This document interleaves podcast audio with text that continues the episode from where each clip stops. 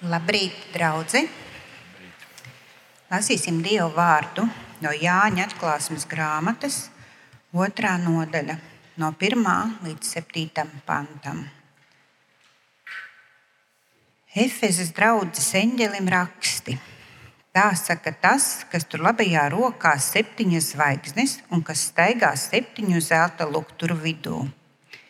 Es zinu tavus darbus un pūles tavu pacietību, un ka tu nevari panest ļaunus cilvēkus, un esi pārbaudījis tos, kas saucas par apstuļiem, bet nav.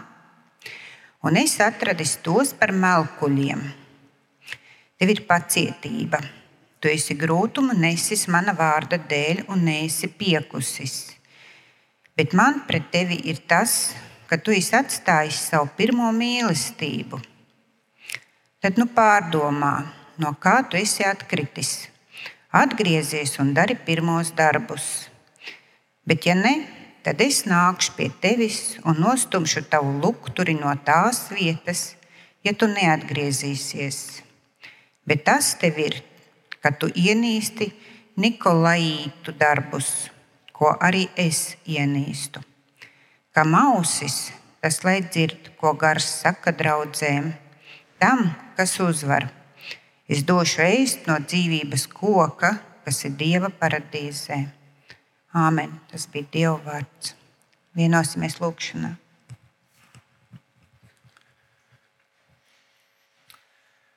Mums ir izsmeļīgais Dievs, mūžīgais.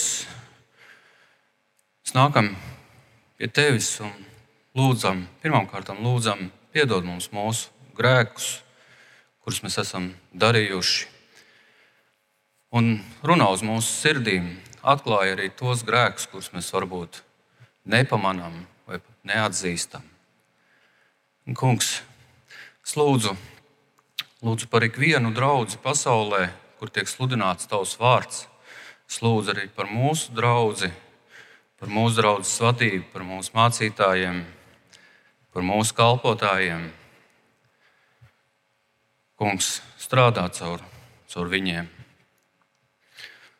Un, kungs, es lūdzu arī par ļauniem cilvēkiem, kungs, runā uz viņu sirdīm, strādā ar viņiem, ka viņi varētu piepildīties tavu bērnu pulkam. Jēzus Kristus vārdā. Āmen.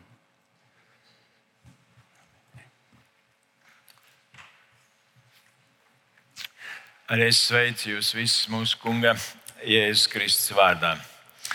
Saļiet, lūdzu. Šī ir atkal redzēšanās svētdiena, kā jau Edgars sacīja. Man liekas, ka tāda īsta atkal redzēšanās svētdiena, jeb, jeb diena, ir Ziemassvētkos. Tad, tad parasti cilvēki vismaz vienreiz gadā atnāk uz baznīcu. Bet, bet ir labi, kad varam satikties biežāk. Un atkal redzēšanās jau, jau pasaka to, kas mūsu dzīvē notiek, ka mēs kādu brīdi esam kopā, un tad vairāk vai mazāk esam šķirti. Un tad atkal satiekamies.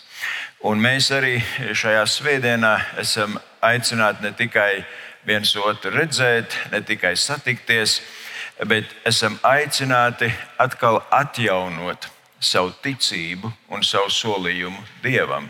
Esam aicināti savu dedzību liecināt par Kristu, atjaunot, atjaunot savu atstāto kalpošanu Dieva darbā, atjaunot savu vietu draudzē, atjaunot savu vietu dievkalpojumos, atjaunot savas sarautās attiecības ar kādiem cilvēkiem.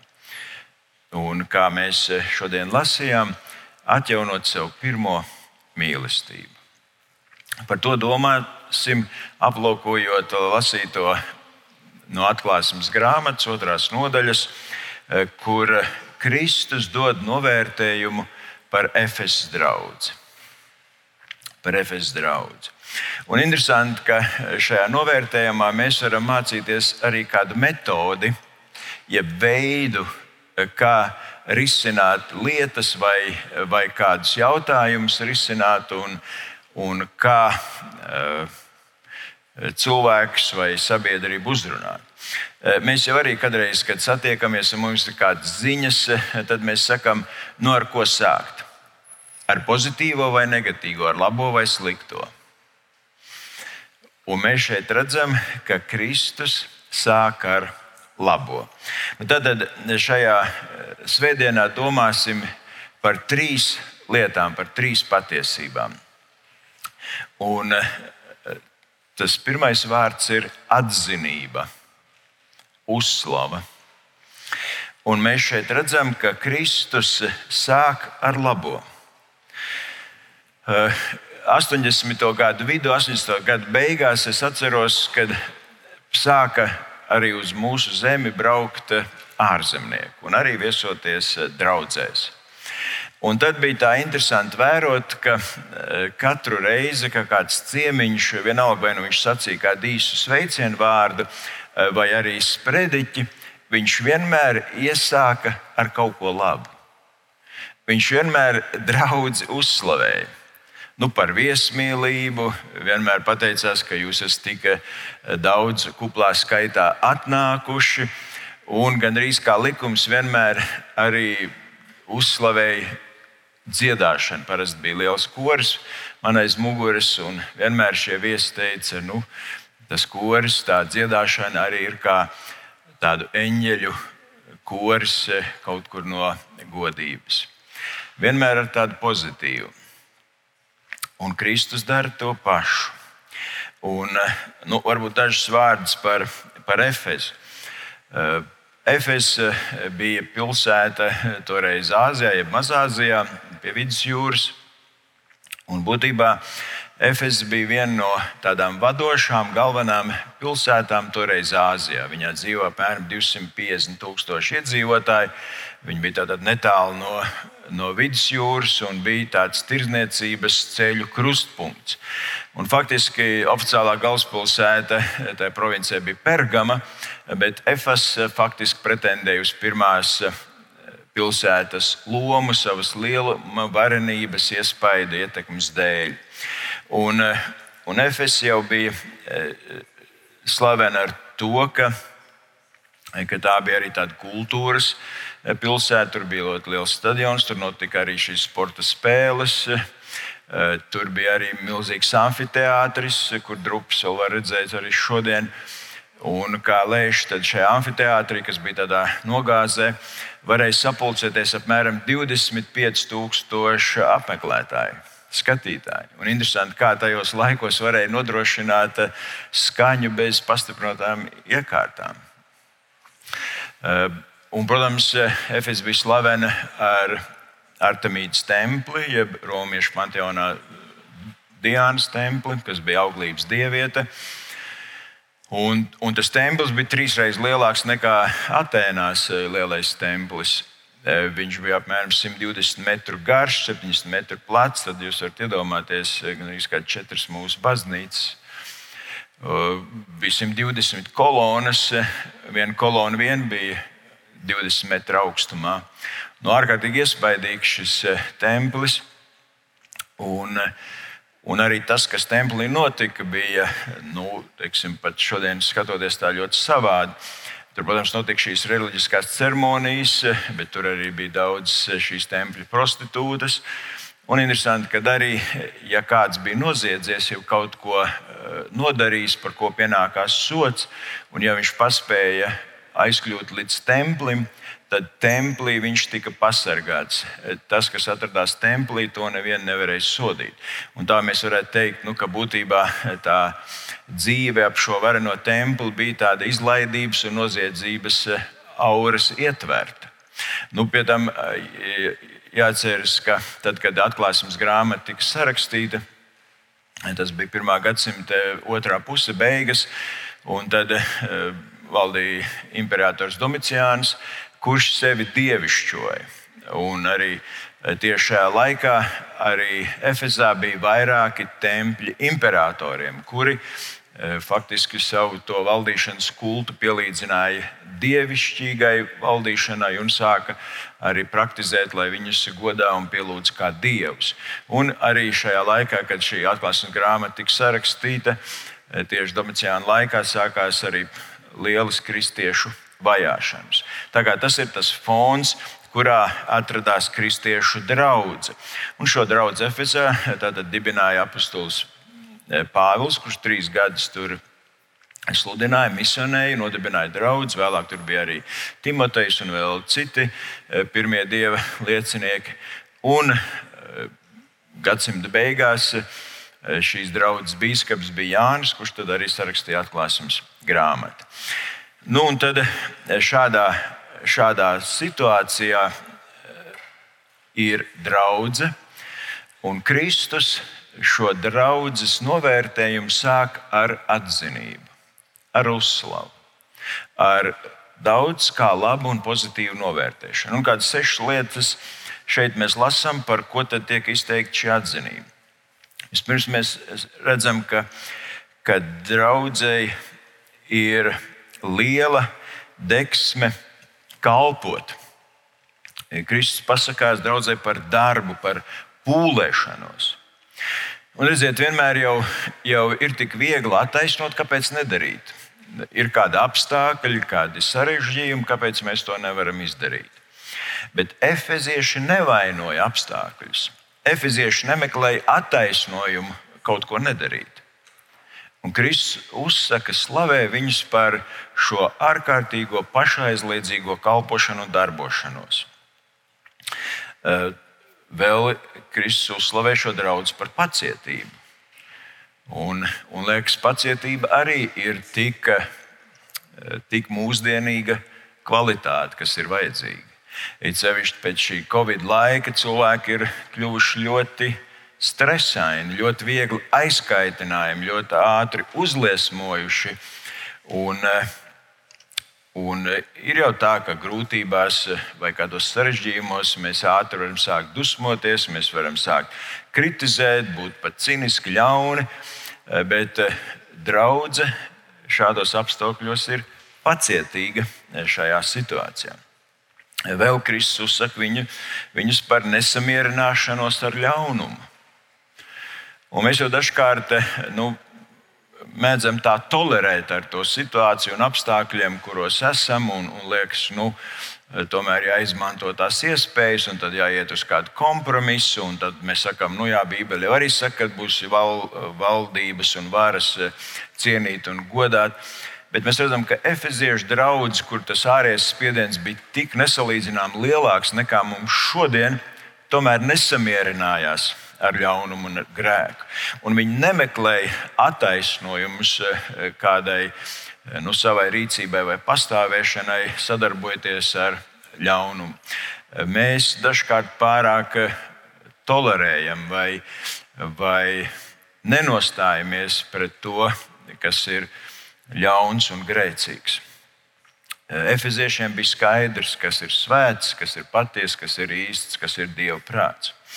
Eh, un tad arī eh, mēs šeit lasām, ka Kristus viņus uzsaka par to, ka viņi izvērtē dieva kalpus, jeb apstuļus.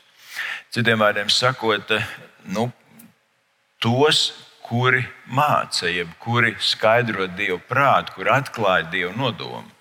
Un tādēļ viņi izvērtē tos cilvēkus, eh, kuri, kuri tad nu, ir draudzes priekšā. Citiem vārdiem sakot, lai tur nav kādi sautīgi motīvi, vai tur nav e, kāda mācība, kas varbūt patīk cilvēkiem, bet e, kas nav pēc dieva prāta vai bībeles. Un, un tad arī tiek uzslava par izturību ciešanās. Izturību ciešanās. Kā jau es sacīju, tad Eh, tad tas bija laiks, kur arī kristieši eh, tika vajāti. Un mēs ļoti bieži un ātri eh, čīkstam, ja zūdamies par šodienas laicīgām materiālām grūtībām vai dzīves dārdzību. Bet vai esam gatavi ciest savas pārliecības dēļ, vai esam gatavi ciest savas ticības dēļ? Un, un šī draudzene bija izturīga šajās grūtībās un ciešanās. Un tad visbeidzot arī viņi tiek uzslavēti, ka viņi neatzīst Nikolaitu sektu. Nu, īsti nav, nav varbūt tik skaidri zināms, kas šī sekta bija. Tur ir dažādi risinājumi, bet, bet arī šis pats vārds Nikolaits nozīmē uh, pakļaut, jeb, jeb, jeb apspiest. Un, un kāds saka, ka, ka šīs sekta, šis novirziens atzina tādu miesas un dvēseles un garas šķirstību. Proti, ja tava dvēsele un gars ir izglābta, tad miesa ir bezvērtīga un viņi iet bojā. Līdz ar to nav iemesls aizliegt kādas miesiskas eh, izpausmes vai, vai kādu amorālu rīcību, jo tā ir tikai miesa, kas ies bojā. Un līdz ar to arī nav nekāda problēma sadarboties ar, ar tiem Eh, cilvēkiem, apstākļiem, situācijai, kurā mēs dzīvojam. Eh, nu, vēl kāds skaidrojums, ka, ka šī sekta faktiski iedibināja tādu, nu, kā lai to saka, tādu garīdzniecības, jeb kleriķu eh, kārtu vai sistēmu. Proti, ka neviens cilvēks pats pat tiešo nevar piekļūt pie Dieva. Bet, kad ir vajadzīgs kāds, jeb kādi, kas palīdz cilvēkam atrast šo saiti, savienību ar Dievu. Un mēs jau zinām, ka evanģēlos ir šī vispārējā priesterība, kur katrs cilvēks, kas nāk pie Dieva, arī ir aicināts atsaukties Dieva kalpošanā, uzdevumā, un nav vajadzīgi kādi īpaši cilvēki, kas palīdz atrast un tuvoties Dievam. Bet viņi uzskatīja, ka tā tas vajadzētu būt. Un faktiski jau mēs redzam, ka arī šodien daļai tas tā ir. Nu, tātad mēs redzam, ka vispirms Kristus izsaka draudzēji atzinību, ka Efes draugs šajās samaitātās pasaules vidū bija pašaizliedzīga ar savu nodošanos un kalpošanu. Viņa bija šķīsta un nesamaitāta grēcīgās pasaules vidū, un viņa bija nodevusies skaidrai, patiesai eh, dieva mācībai, Kristus eh, atklāsmei. Un tad domājot par šo atzinību, Efes draudzē, tas pirmais jautājums ir, bet eh, par ko Kristus uzslavēt mūsu Mateja draugu šodien? Mēs oktobrī svinēsim 155 gadus. Par ko Kristus uzslavēt Mateja draugs? Un eh, par ko mēs varētu kādu uzslavēt? Mēs jau kā latvieši, lai nu ko, bet nu, kādam pateikt kaut ko labu, to nu gan mēs nevaram. Un kur nu vēl kaut ko uzslavēt vai, vai pateikties, tas jau būtu pret mūsu dabu. Bet, eh, bet Dievvvārds mums parāda to, ka eh, Kristus šeit iesāk ar atzinību. Man liekas, kādas sešas, sešas kvalitātes viņš ieraug šajā draudzē, kas ir ļoti labas. Un, eh, un mēs domājam šodien par pirmo mīlestību. Un īstenībā ceļš uz pirmo mīlestību ir, ka tu izsaki kaut ko labu par otru cilvēku. Tas ceļš uz pirmo mīlestību ir, kad tu izsaki atzinību otram. Un tāpēc eh, tas pirmais uzdevums, lai nebūtu tikai runāšana un domāšana, tas pirmais uzdevums mums šodien ir pateikt otram kaut ko labu. Pateikt kādu atzinīgu novērtējumu otram, savam vīram, savai sievai, draugam, draudzenei, blakus sēdētājiem. Nevar būt tagad uzreiz, lai, lai nav liels troksnis. Bet, bet šodien pasakiet kaut ko labu, kaut ko atzinīgu otram cilvēkam. Un tas būs ceļš uz mīlestību. Tas otrs eh, vārds - atgriešanās. Pēc eh, atzinības izteikšanas Jēzus izsaka arī to, par ko viņa sirds sāp, kas viņu satrauc par ko viņš nav apmierināts. Un tad, ja es saku, man sāp tas, ka jūs esat atstājuši, pazaudējuši pirmo mīlestību. Ka jūs esat pazaudējuši pirmo mīlestību. Kas ir pirmā mīlestība? Vai tā ir tikai uz otru cilvēku? Droši vien, ka nē, ka ir jau arī kādas lietas vai apstākļi, kur, kur arī mēs varam iemīlēt, un, un kas mums eh, uzrunā un, un aizkustina. Un tad pēc kādiem gadiem mēs domājam, kā mēs varējām kaut ko tādu sajūsmināties un, un domāt, ka tas ir labs. Bet pirmā mīlestība faktiski ir jūtas. Pirmā mīlestība ir kādas ļoti pozitīvas emocijas. Sākumā tā nav darbība. Tās ir jūtas, ja tāda īpaša deksme, kad varam sajust, priecāties, eh, līksmot eh, par otru. Eh, tas ir tāpatās, nu, nu kā, kā mēs arī baidāmies, vai jūtam prieku, vai bēdas, vai dusmojamies, arī tās ir emocijas vai jūtas. Taču tad, kad mēs esam par kaut ko ļoti sajūsmināti un iemīlējušies, tad, lai arī mums tā neliekas, ļoti bieži to pamana arī citi. Un varētu teikt, ka pirmā mīlestība ir atzinība otram, kad mēs šo otro cilvēku ļoti augstu novērtējam. Un savukārt pirmās mīlestības pazaudēšana ir tad, kad mēs šo atzinību vairs otram nespējam izteikt, un ka mums liekas, ka mēs paši esam labi. Pirmā mīlestība pamazām no jūtām, no patikas pāriet arī rīcībā, darbībā, otra labā. Tas nozīmē, ka pirmā mīlestība vienmēr ir no sevis vērsta uz otru cilvēku. Ka otrs man ir daudz svarīgāks, vērtīgāks nekā es pats. Un pazaudējot pirmo mīlestību, viss mainās. Tad es atkal kļūstu centrā, es kļūstu galvenais, viss notiek ap mani, un otrs cilvēks ir par tik, par cik tas man apmierina vai kalpo manai patmīlībai. Pirmā mīlestība nozīmē, ka otrs cilvēks ir pirmajā vietā. Pirmā mīlestība ir tad, kad es esmu gatavs darīt visu otru labā. Ka man nekā nav žēl dēļ otra, ka nekas nav par tālu, nekas nav par dārgu, nekas nav par lielu vai grūtu. Pirmā mīlestība ir tad, kad es esmu gatavs mainīties otru dēļ. Un īstenībā tas ir vienīgais brīdis cilvēka dzīvē, kad viņš var mainīties, ja viņš kādu patiesi mīl. Ja šajā laikā cilvēks nemainās, tad viņš nekad nemainīsies. Un, ja mēs domājam par ticības dzīvi, tad pirmā mīlestība bija tad, kad Jēzus mums kļuva ļoti tūs.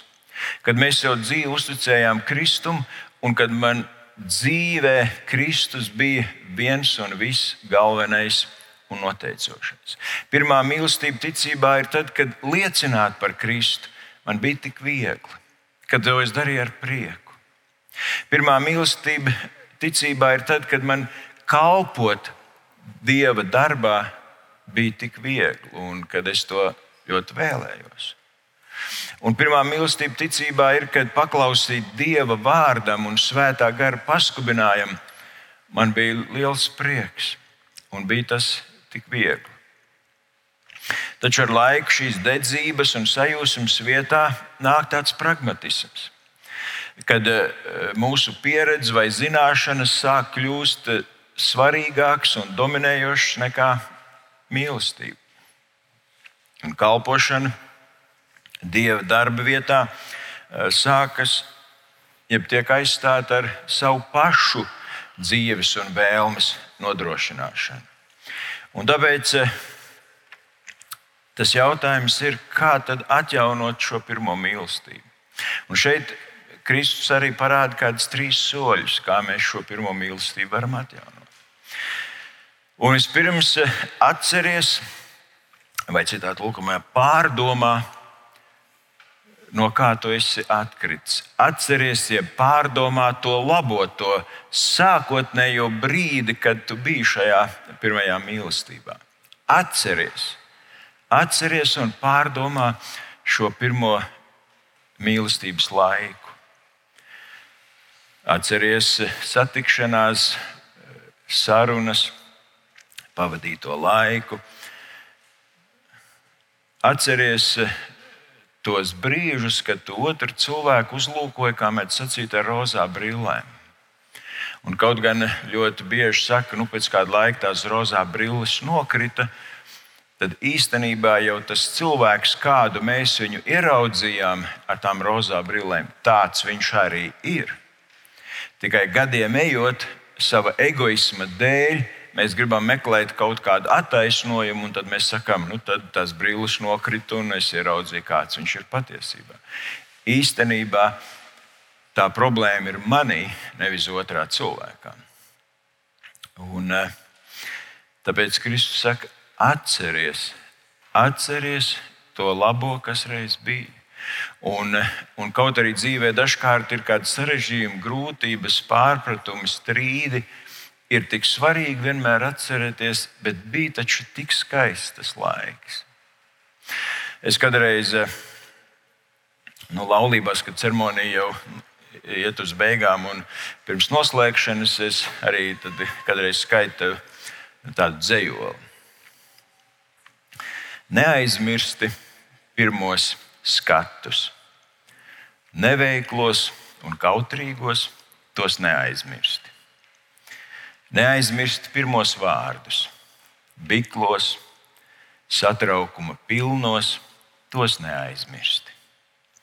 Neaizmirst pirmos brīžus, pieskārienus, skūpstus, neaizmirst. Neaizmirst skaistās dienas, dienas laimīgās. Neaizmirst mīlestību, mīlestību vienīgo. Tad, tad atgriezties pie pirmās mīlestības, neaizmirst to, kas bija labs. E, tas otrais solis ir, ka pirmo mīlestību var atjaunot, ja mēs nožēlojam grēkus. Jo mīlestību vienmēr ievaino un sagrauj grēks. Grēks sagrauj mīlestību.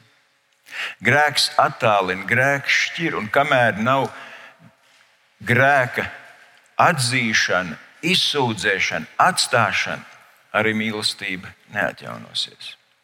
Un tāpēc nožēlo savus grēkus, savu savtīgumu, savu egoismu. Tas ir viss pamatā, kāpēc mīlestības pazūd.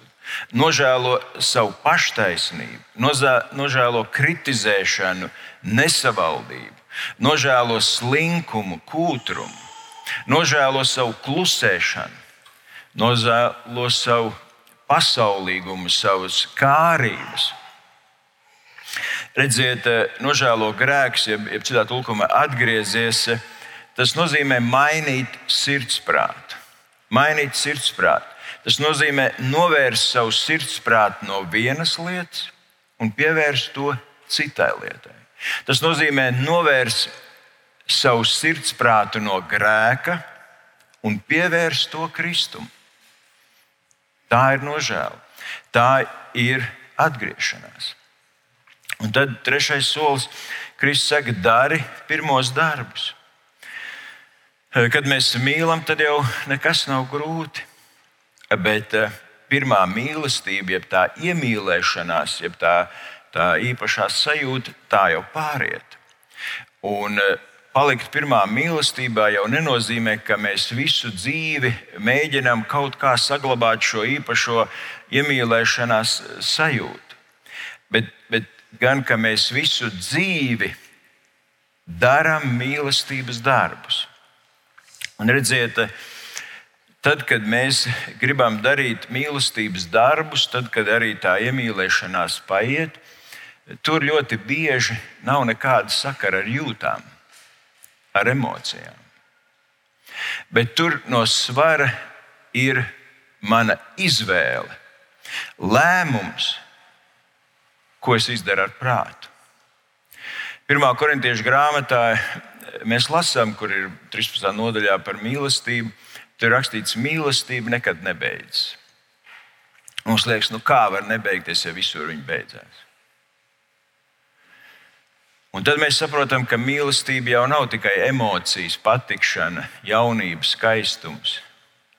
Ka mīlestība savā būtībā, vismaz kā kristīgā ticība to saprot, ir upurējoša, kalpojoša, ziedojoša rīcība, kur visbiežāk mēs īstenojam nevis emociju, patikšanas dēļ, bet izdarot izvēli ar savu prātu. Un kad mēs ar gribu to īstenojam. Vai tad Kristus pirms krusta nāves bija ļoti emocionāli, pozitīvi noskaņots?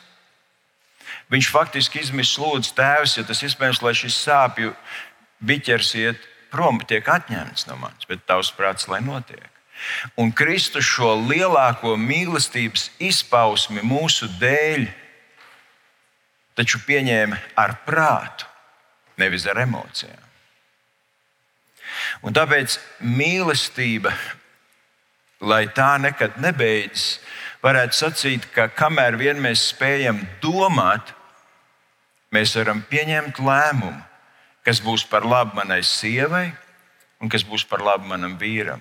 Un dažkārt par spīti manām emocijām, manam stresam, manam nogurumam, manam aizkaitinājumam, es pieņemu lēmumu, es izdaru izvēli, kas būs vislabākā otram cilvēkam. Tāda mīlestība ir kalpojoša, ziedojoša, upurējoša, jeb kā Bībelē par to ir rakstīts agapes mīlestība. Un, un tāpēc eh, turpināt darīt eh, tos darbus, mīlestības darbus, nozīmē, ka turpini darīt it kā tu mīlētu. Kas liktos tā savādi, un varbūt teikt, nu, tas taču negrib liekuļot. Bet redziet, kādu lēmumu mēs pieņemam un kādu rīcību īstenojam, tas arī noteiks, kāds būs rezultāts. Un ja mēs kādu cilvēku nīstam un šo nīšanu praktizējam, šis cilvēks kļūst ar vien vēl vairāk ienīstams. Ja mēs darām kaut ko sliktu un ļaunu, tas ļaunums, kā Ukraiņā no Krievijas puses, kļūst ar vien lielāks un, un nežēlīgāks un ļaunāks. Un atkal gluži pretēji. Ja mēs sākam praktizēt un darīt kaut ko labu, un mīlestībā kalpot, ziedot sev, upurēt, tad soli pa solim tā mīlestība vairojas un tas labums, svētība aug augumā.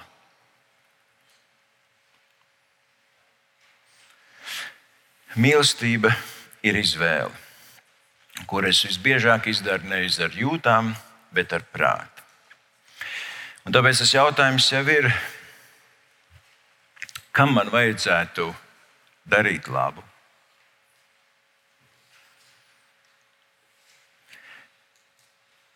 Vai es fokusējos uz sevi vai uz otru? Vai Dievs ir man pirmā vietā vai kaut kas cits?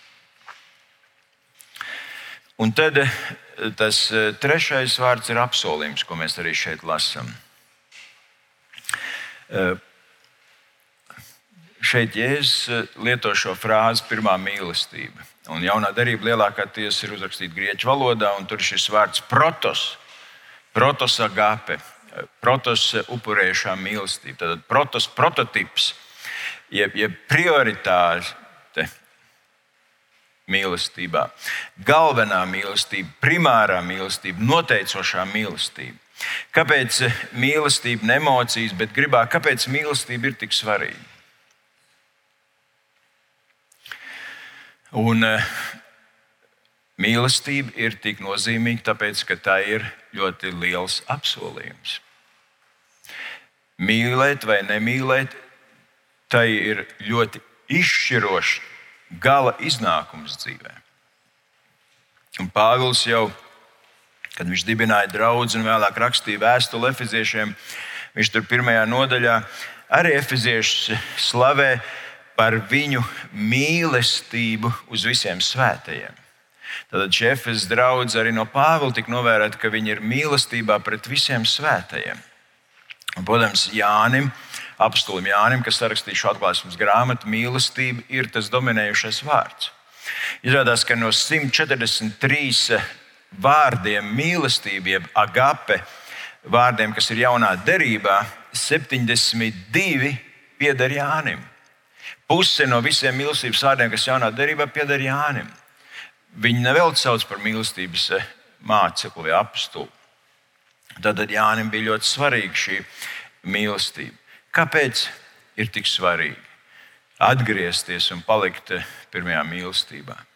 Tāpēc, ka mīlestībai ir mūžības vērtība. Tikai mīlestībā uz Kristu tu nonāksi paradīzē. Grēka dēļ Dievs neļāva cilvēkam baudīt no dzīvības koka, lai grēcīgs, ļauns cilvēks nedzīvotu mūžīgi. Bet, ja mēs pieņemam Kristus mīlestību, paliekam tajā un mīlam savu kungu un līdzcilvēkus, tad pienāks brīdis, kad mēs varēsim baudīt no šīs dzīvības koka paradīzē. Mūžīgi. Un tāpēc tie, kas ticībā pieņem Kristu, mīl Dievu un līdzcilvēkus, varēs arī svinēt uzvaru mūžībā, paradīzē pie dzīvības koka. Tas ir mūsu ceļš, tā ir mīlestības cena. Lai Dievs mums palīdz. Āmen. Pielūgsim Dievu. Kungs, Jēzu, es tev pateicos, ka tu mūs mīlēji ar mums neaptveramu mīlestību. Kungs, Jēzu, mēs pateicamies, ka tu atstāji godību un nāc uz šīs grēcīgās zemes, lai atdot savu dzīvību mūsu dēļ, lai mēs atkal spētu piedzīvot tavu mīlestību, kļūt par taviem bērniem un spēt mīlēt tevi un savus līdzcilvēkus. Un tāpēc, kungs, mēs lūdzam atjauno manu mīlestību uz tevi un uz cilvēkiem. Kungs, ja es piedodu, ka mana pareizība dažkārt ir bijusi svarīgāka par mīlestību, mana paštaisnība un egoisms ir atstājis novārtā mīlestību uz tevi, Dievs, uz draugu, uz kalpošanu, uz otru cilvēku. Tas mums ir žēl, un to mēs lūdzam piedod. Kungs, mēs šodien no jauna atdodam un ieliekam sevi tavā žēlastībā, Jēzu. Piedod vienaldzību, piedod, Kungs, novēršanos no tevis. Un kungs caur svētā garu uzpūt mīlestības liesmu mūsu sirdīs. Un slāpes pēc tava vārda un tavas klātbūtnes, ka mēs spējam no jauna tevi piedzīvot, mīlēt un, kungs, būt atsaucīgiem tavam aicinājumam. Kungs, mēs no jauna savā mīlestībā uz tevi un līdz cilvēkiem gribam atkal iziet tālāk. Tāpēc nāc tu mums līdzi un palīdzi. Āmen. Āmen.